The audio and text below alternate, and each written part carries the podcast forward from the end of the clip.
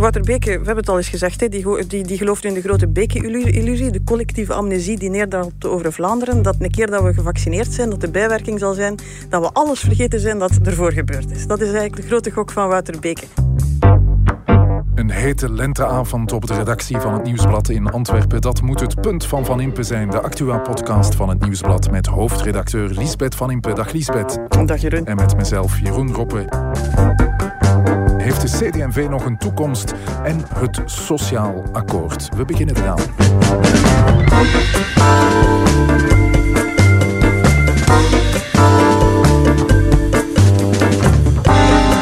Lisbeth fileert vakkundig de actualiteit en maakt je wegwijs in de coulissen van de macht in het punt van Van Impe.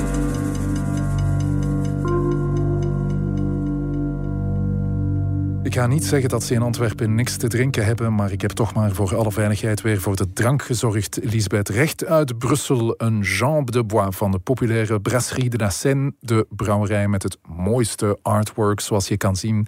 Kijk eens naar dat prachtig Ik, eh, etiket. Het is mij totaal onbekend, maar het is inderdaad een heel mooi Het is puur modernisme, hè, met die eh, bruine tinten. Ja, en een trippel van de Belgische revolutie. Inderdaad, want je ziet een oorlogstafereel. Eh, je ziet een soldaat met een houten been op een kanon zitten. Eh, hij heeft namelijk met twee benen gevochten tegen Napoleon, maar daar is hij een been kwijtgeraakt. En nu vecht hij tegen de Nederlanders. Het is inderdaad de Belgian Revolution Triple, zo noemen ze hem. Het is een hele stevige, die Jean de Bois. Maar jij kan daar eh, beter tegen dan ik, eh, Lisbeth. We zullen zien, we zullen zien. Ik kom wel eens in een café eh, in Brussel waar ze hem met heel veel gember schenken. Daar noemen ze hem dan een gingembre de bois. School. Ik vind het niet erg dat je er geen gember in gedaan hebt. Dus eh, school. Hoe is het voor de rest, Lisbeth? Al cinema, theater, fitness, café, restaurant gedaan? Eh, ik ben al op restaurant geraakt. Al de rest zijn goede voornemens voor de komende weken. Maar eh, ja, toch. Ik, eh, ja, ik vind het wel leuk. Ja, alles is open nu. Hè. Geeft je dat toch niet een beetje schrik? Vind je het niet gevaarlijk? Laat het mij zo zeggen. Ik kan me voorstellen dat, we, dat er straks misschien toch weer cijfers komen waarvan iedereen denkt van ha, zijn we niet aan het overdrijven, moeten we toch niet voorzichtig zijn. Maar aan de andere kant voel je wel zo hard van iedereen had dit zo hard nodig. Eh, en de cijfers op dit moment laten het ook echt toe. Ik ben blij dat we wel een beetje uit dat idee zijn geraakt van eh, dat we onze vrijheid zo moesten verdienen en dat we preventief nog van alles op slot zouden houden. Ik begrijp het wel hoor, maar ik denk dat we daar echt wel op het eind van eh, de rit gekomen waren. Dus het gaat open. Ik ben heel blij voor al die mensen die terug een zaak mogen opendoen. Want ik denk dat dat voor hen, ja, dit moet een hoogdag zijn. Het is eindelijk ook mooi weer. Dat helpt ook voor de terrassen en de sociale afstand en eh, eh, genoeg buiten zitten en noem maar op. Dus laten we ons vooral hopen dat het zo blijft. Hè. Oké, waar beginnen we mee, eh, Lisbeth? Met eh, CD&V of met het Sociaal Akkoord? Ik denk dat ik altijd hetzelfde zeg. De centjes. Laten we beginnen met het sociaal akkoord. Elke donderdag vind je een nieuw punt van Van Impe op nieuwsblad.be en op alle bekende podcastplatformen. We beginnen eraan.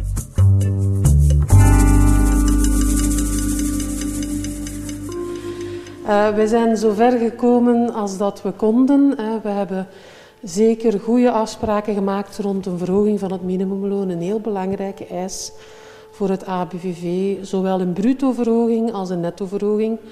En dat is toch wel een belangrijk signaal naar al die mensen die heel hard hun best gedaan hebben de laatste maanden. Zodat we eindelijk boven die symbolische drempel van 10 euro kunnen uitgaan. En dat is meer dan symbolisch voor de mensen zelf. Dus dat is een heel belangrijke verwezenlijking in deze onderhandeling. Het minimumloon gaat naar omhoog. We krijgen soepelere overuren en landingsbanen worden uitgebreid. Een tevreden Miranda Urens van ABVV hoorde je na een nacht onderhandelen met vakbonden en werkgevers. Iedereen tevreden, zeker Lisbeth? Uh, nee, het blijft België, dus je kan er uh, gif op nemen dat niet iedereen tevreden is. Maar hier, hier liep de breuklijn wel tussen meerderheid en oppositie. Um, en een aantal economen hadden toch wel een paar stevige opmerkingen bij het akkoord. Uh, maar globaal kan je zeggen dat de meerderheid zeer tevreden was. Ja, een belangrijkste opmerking bij het akkoord was uh, wie gaat dit allemaal betalen? Uh, ja, en dat is niet duidelijk, zelfs niet hoeveel het gaat kosten. Nu goed, het is eigenlijk hoe het sociaal overleg werkt. Werkgevers en werknemers proberen elkaar niet te veel pijn te doen. En wat er dan nodig is om tot een akkoord te komen, daarvoor kijken ze naar de regering om die factuur te betalen. Het is nooit anders gegaan, het is ook deze keer zo. Je ziet dat bij die minimumlonen. Uh, die gaan omhoog, maar het wordt niet zoveel duurder voor de werkgever. Het is vooral de werknemer die er uh, netto meer gaat aan overhouden. Allemaal fantastisch, maar dat verschil wordt natuurlijk bijgepast door fiscale gunstregimes en noem maar op. Uh, hetzelfde geldt voor die landingsbanen. Die zijn, ik ken die van op de redactie, die zijn bijzonder populair. Op dit moment zijn die voor 60-plussers en, en dan kunnen die deeltijds gaan werken terwijl ze eigenlijk heel weinig loon moeten inleveren. Dat verschil opnieuw wordt bijgepast door de overheid. Dus die factuur gaat gewoon rechtstreeks naar Alexander de Croo. Ja, landingsbanen worden uitgebreid, worden interessanter. Uh, ook de kritiek op het uh, akkoord was nogthans dat uh, mensen worden aangemoedigd om te stoppen met werken. Maar daar ben je het niet mee eens. Ik denk dat die landingsbanen dat dat een, een, een genuanceerde verhaal is. Um, er was een grote schrik dat het brugpensioen, we moeten nou officieel SWT nemen, iedereen noemt het nog altijd brugpensioen, dat dat terug naar 58 jaar zou gehaald worden. Dat dat terug soepeler zou worden. En ik kan begrijpen, criticasters die zeiden van ja, dan zetten we eigenlijk een stap achteruit. Dat kon ik wel begrijpen. Er is zo hard gesleurd om dat omhoog te krijgen. Terug naar beneden, dat zou een raar signaal geweest zijn. Landingsbanen zijn iets anders. Bij, bij een brugpensioen of een SWT zet je iemand thuis. Je geeft die een werkloosheidsuitkering en je geeft daar een toeslag van de werkgever bovenop. Maar die verdwijnt eigenlijk uit de arbeidsmarkt. Dit is eigenlijk een manier om mensen die ouder worden, zeker ook in lastige jobs, uh, om te zeggen van ja, je kan eigenlijk iets comfortabeler gaan werken, deeltijds gaan werken, maar je gaat dat eigenlijk niet of nauwelijks voelen in je loon. Uh, als je mensen tot 67 aan de slag wilt houden, denk ik wel dat je dat soort dingen gaat nodig hebben.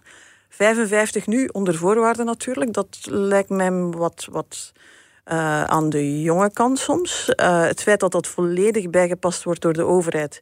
Uh, ja, daar kan je de vraag stellen van, moeten dan al die anderen dat gaan betalen voor die ouder wordende werknemer? Daar kan je over discussiëren, maar als instrument lijkt het mij wel beter dan het uh, SWT. In alle geval, als ik de reacties hoorde, Lisbeth PS en vooruit, die klonken opvallend euforisch, vond ik. Zijn zij nu de grote winnaars van dit akkoord? Ik denk dat binnen de regering iedereen wist van ze moeten in ieder geval op de foto staan alsof ze net gescoord hebben op het EK. Um, de vorige keer was er behoorlijk wat vrevel. Uh, herinner je, dit is een uitloper van de discussie die we gehad hebben over de loonnorm. Dat ging over hoe, dat de, hoe, hoe hard de lonen voor iedereen mochten stijgen. Dat was heel beperkt. Uh, daar heeft, hebben de socialisten toen moeten inbinden. En als ze op 1 mei daar hele grote verklaringen over uh, afgelegd hebben, bleef dat toch steken op die ja, vrij magere 0,4. En toen waren de liberalen er als de kippen bij om te zeggen van kijk eens wat wij binnengehaald hebben. Uh, die zijn daar toen met heel veel pluimen in hun gat gaan lopen. tot grote ergernis van alle anderen. En je voelde heel hard, de PS had toen gezegd ja, maar ja, wij zijn alleen maar akkoord als ook die minimumlonen omhoog gaan. Daar is nu een akkoord over. En het was duidelijk, de, de, de vingers stonden klaar morgens uh, op alle Twitter-toetsen om uh, deze overwinning te claimen. Ja, we hebben het al uh, eerder gehad met andere akkoorden in deze legislatuur. Lisbeth, is dit nu weer zo'n voorbeeld van we boeken wel voorzichtige resultaten, maar zonder echt risico's te nemen? Het is heel voorzichtig. Uh, het is ons sociaal model ook. Heel vaak werkt het sociaal overleg niet. En als het wel werkt, is het met kleine pasjes. Er wordt een koterijtje bijge, bijgebouwd. Uh, er is een symbooltje binnengehaald en een symbooltje uh, opgegeven. het gaat heel voorzichtig. We noemen dit, ja, het Rijnlandmodel wordt dat wel eens genoemd. Dat is waar dat werkgevers, werknemers, overheid eigenlijk heel veel met elkaar praten om proberen sociale vrede en vooruitgang en hervormingen te bewerkstelligen. Dat is wel vaker een systeem van een beetje pappen en nat houden geweest. De vraag is natuurlijk, als de regering het meent dat er tegelijk heel grote hervormingen nodig zijn op het vlak van arbeidsmarkt, op het vlak van fiscaliteit. Uh, en dat zeggen ze toch. anders nodig, dan heb je een andere methodologie nodig. Als je het regeerakkoord leest, zeggen ze iedere keer van en daarvoor gaan we naar de sociale partners kijken. Ja, dan denk ik dat we intussen wel kunnen concluderen dat je daar blijft naar kijken, dat je waarschijnlijk lang zal kunnen wachten op die fundamentele hervorming. Tegelijk weet je, de tijd begint te dringen, want fundamentele hervormingen die beslis je niet op het einde van de legislatuur. Je gaat niet vlak voor de verkiezingen aan iedereen gaan zeggen, wacht eens af, we gaan alles anders doen, je gaat eerst kwaad zijn, maar later komt het goed. Zo werkt het niet. Je moet dat in het begin van de legislatuur doen, dan heb je daar een de tijd voor, dan kan je dat ook implementeren en kan je bewijzen dat het werkt. Um, corona heeft al het begin, nee, sorry, ik moet eerlijk zijn, de regeringsvorming heeft al een heel groot stuk opgesoupeerd. Dan is corona gekomen. Dus Als je echt iets wezenlijks gaat willen eh, hervormen, dan zal de regering het moeten doen. En ze gaan het nu stilaan echt wel moeten uh, werk van maken. Het punt van Van Impe, de federale regering, boekt voorzichtig uh, resultaten, maar een schoonheidsprijs zal ze voorlopig niet winnen.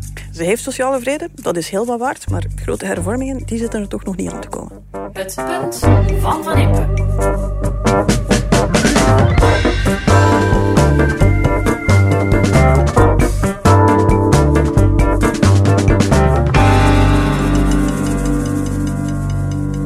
Is zeker zo dat wij de peiling die geleverd zijn vorige week vrijdag, dat die hard binnenkomt bij ons. 10 procent, hè? Ja, dat vinden wij absoluut uh, niet goed. En ook niet goed genoeg. Dat is eigenlijk een slechte peiling. En dat hakt er bij de mensen in bij onze partij.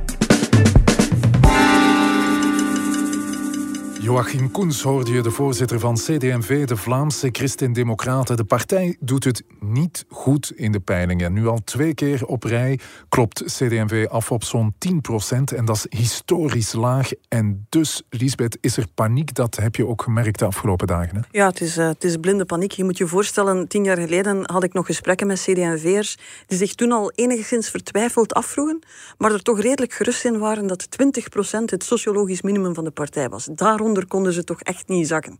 Ja, dan zit je nu met die 10%, dat is nog eens de helft van de kiezers die weg is. Inderdaad, een slechte score voor CD&V. Ik hoorde een eerste reactie van de voorzitter Joachim Koens, die was heel eerlijk. Hij zei... Uh, ik weet eigenlijk zelf niet uh, waar het aan ligt. Ja, dat is het uh, antwoord dat je van je voorzitter wil horen natuurlijk. De man die het moet fixen. Dat hij nee. eigenlijk geen flauw benul heeft wat er aan de hand is. Maar hij zei ook, uh, onze ministers die leveren heel goed werk. Misschien moeten we het wat beter verkopen. Moeten we beter communiceren. Enfin, over de ministers gaan we het straks hebben. Want ik denk dat hij die soms misschien wat meer achter hun veren mag zitten. Maar dus ja, je komt hier bij iets waar ik even ehm, ja, mijn, mijn, mijn hart moet overluchten.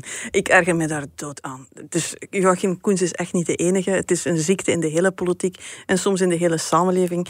Gelijk wat dat er fout loopt. Gelijk wat dat er niet uitgelegd raakt, zeggen ze van we moeten beter communiceren. Alsof dat je met een goede uitleg alles rechtgetrokken krijgt. Dat, is, dus echt het geval niet. Dat is echt het geval niet. En ik ga een voorbeeld geven waar, waar, ik zeg van dit gaat veel dieper dan een, een communicatieprobleem. Ik weet niet of dat je Joachim Koens gezien hebt op uh, maandag in Ter Zaken. Toen had hij al een heel weekend kunnen nadenken over wat er aan de hand was. Daar kwam hij weer met de these van het communicatieprobleem en een beetje proactiever communiceren.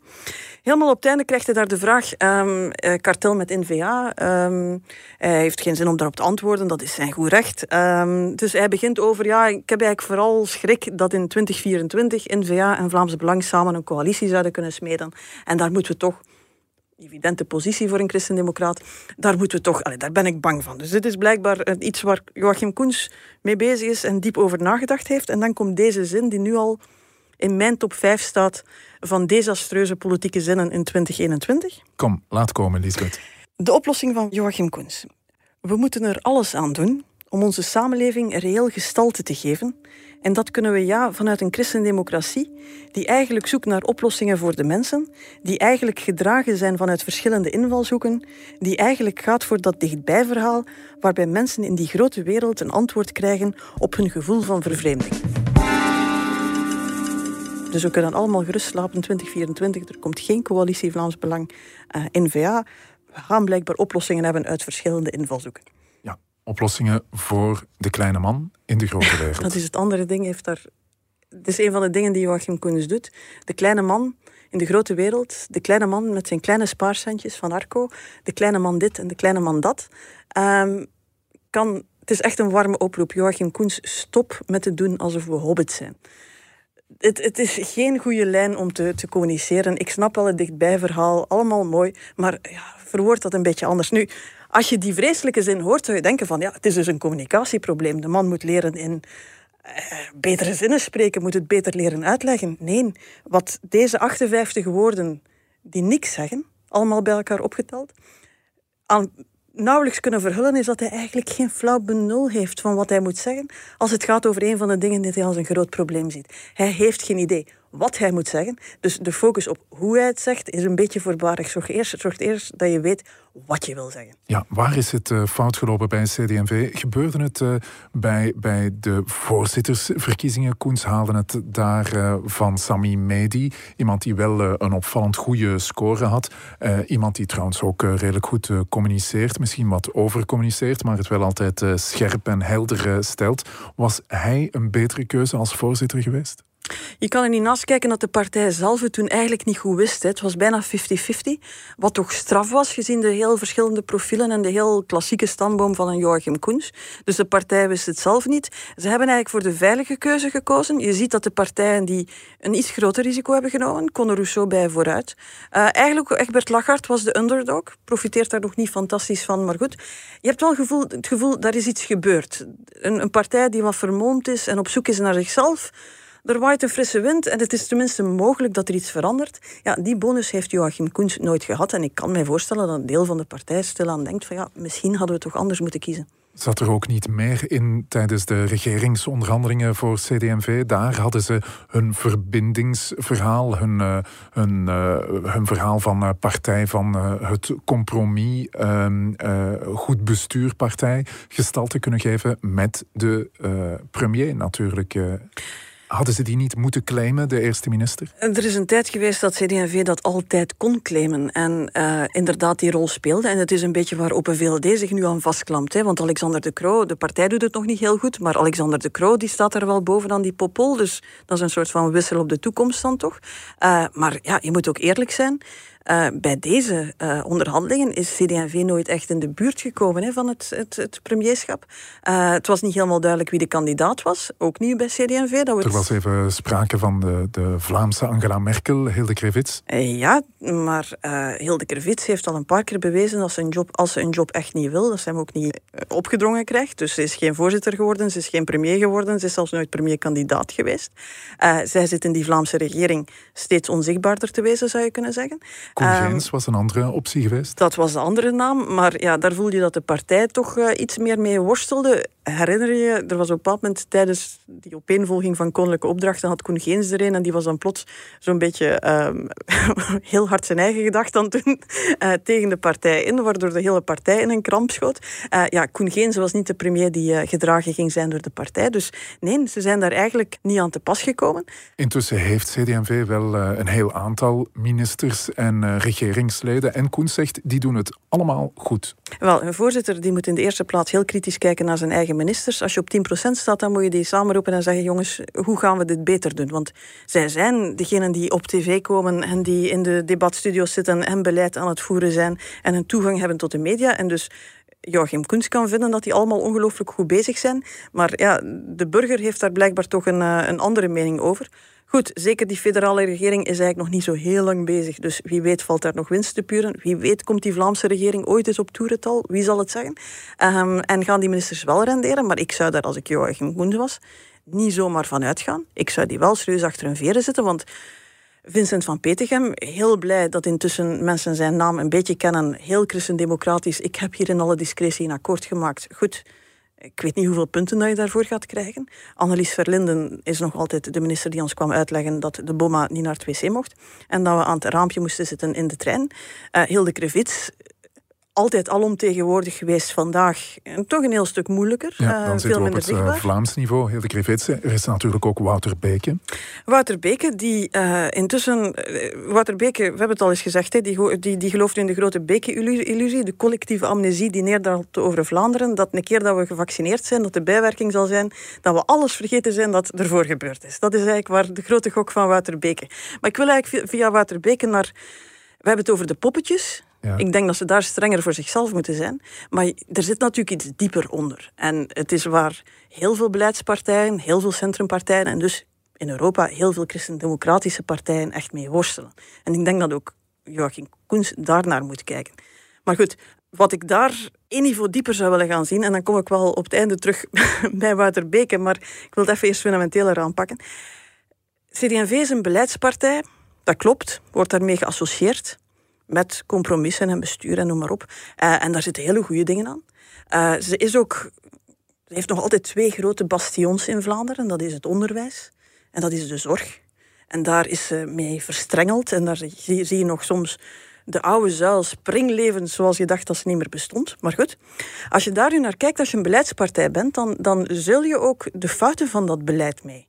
Dan zul je ook mee, dan, dan plakt ook jouw naam een beetje op wat daar fout loopt. Erik van Rompuy had daar denk ik een, een, een juiste opmerking. Uh, die zei in uh, de afspraak, en Erik van Rompuy veel kilometers op de teller, die kent zijn partij. Ja, hij, hij had het over het onderwijs. Hè? Hij had het over het onderwijs. En hij zei van, hoe kan dat nu dat wij in de Vlaamse regering eindtermen goedkeuren? En vervolgens het katholiek onderwijs, wat, wat ongeveer het dierbaarste is dat CD&V aan de borst koestert, daartegen ten strijde trekt. Grondwettelijk Hof Raad van State tot in Europa als het moet te vuur en te zwaard. Je hoort die CD&V-ministers niet. Hoe, hoe kan dat? Hoe zit dat? Wat is daar gebeurd? We moeten ook allemaal eerlijk zijn. Dat, dat onderwijs krijgt de laatste tijd wel wat kritiek. Omwille van alles wat daar fout loopt. Ja, als je natuurlijk claimt dat dat eigenlijk jouw bastion is, dat dat hetgene is waar je mee identificeert, ja, dan word je ook voor een stuk met die problemen geïdentificeerd. En dan zie je dat dat zo in verspreide slagorde uh, gebeurt met wat eigenlijk je vrienden zouden moeten zijn. De zorgsector was eigenlijk nog dramatischer. We gaan terug naar de beginperiode van corona. CD&V heeft daar stempel gedrukt op het welzijnsbeleid, maar ook op de welzijnsinstellingen in Vlaanderen. Op een manier zoals geen enkele andere partij dat ooit gedaan heeft. Die coronacrisis breekt uit. Alles wat fout kan gaan in die woonzorgcentra, dat kan fout gaan, gaat ook fout. Uh, dat zijn dingen die al aangekaart geweest waren. Er waren geen nieuwe problemen. We wisten dat daar problemen waren. Ja, dan kom je niet weg met een minister zeggen, ja, de minister zit daar nog maar een jaar. Dus het is zijn fout niet. Ja, maar ja, uw partij zit daar al decennia op. Je bent al tien jaar voorzitter. Die staat dan op tv ruzie te maken met Margot Kloet, de kabinetchef CD&V van de vorige CD&V-minister, die plots ook van niks weet en ruzie maakt met de minister. En op het einde leggen ze het allemaal bij, dan komen ze weer overeen. En dan krijgen we een grote operatie Red Waterbeke, in plaats van een grote operatie Red de Woonzorgcentra. Mensen zijn ook niet dom natuurlijk. Die zien hier dat een bestuurspartij de gaten in haar eigen beleid laat zien. Ja. Ziet vervolgens hoe de hele zuil daar rond gemobiliseerd wordt. En op het einde gaat het erover, de minister moet kunnen blijven zitten.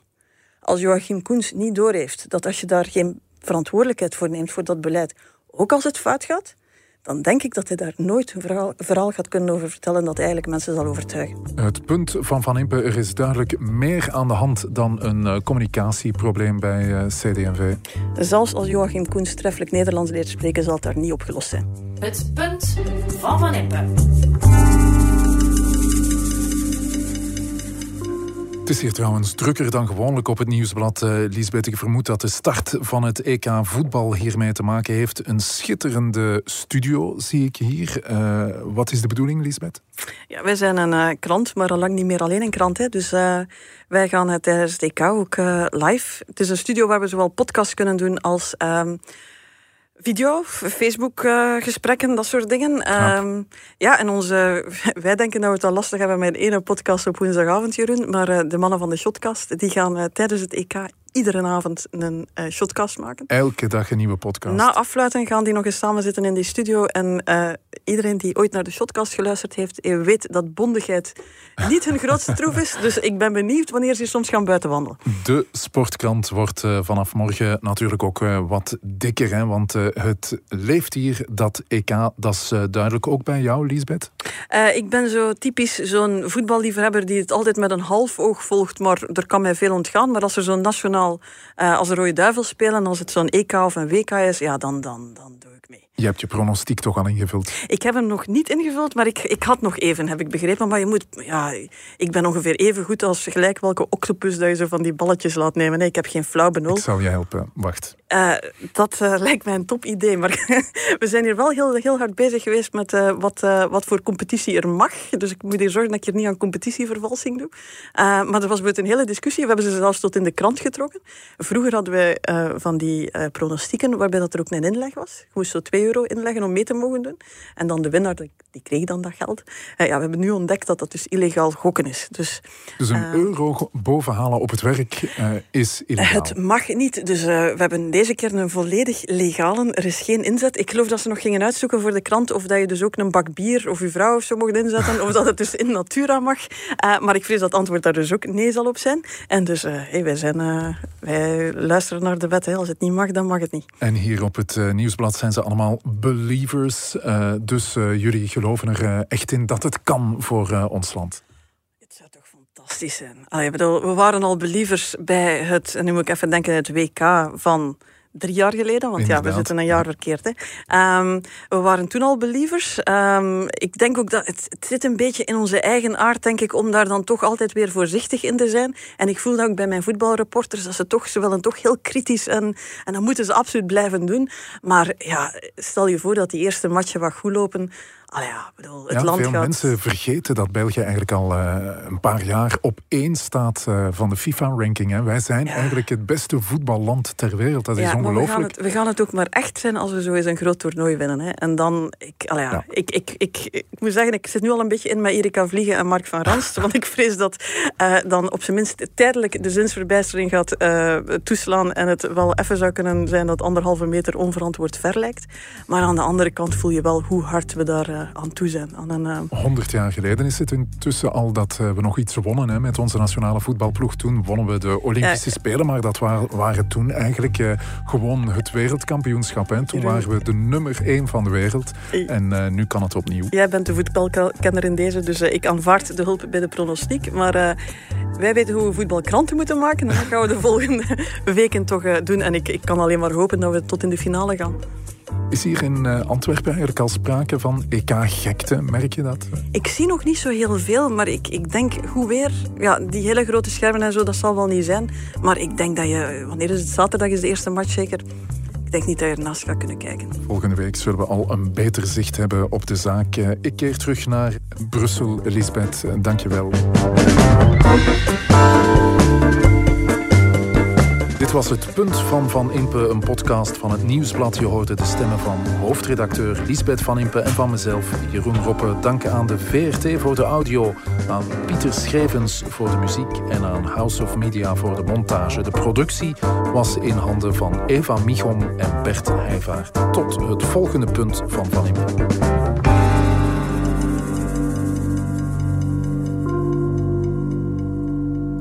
Heb je de andere podcasts van het Nieuwsblad al gehoord? Stemmen van Assise, Slimmer Leven, de sportpodcasts, Shotcast en De Koers is van ons. En ons nieuwe magazine Billy heeft de podcast Walkie Talkies met Evi Hansen.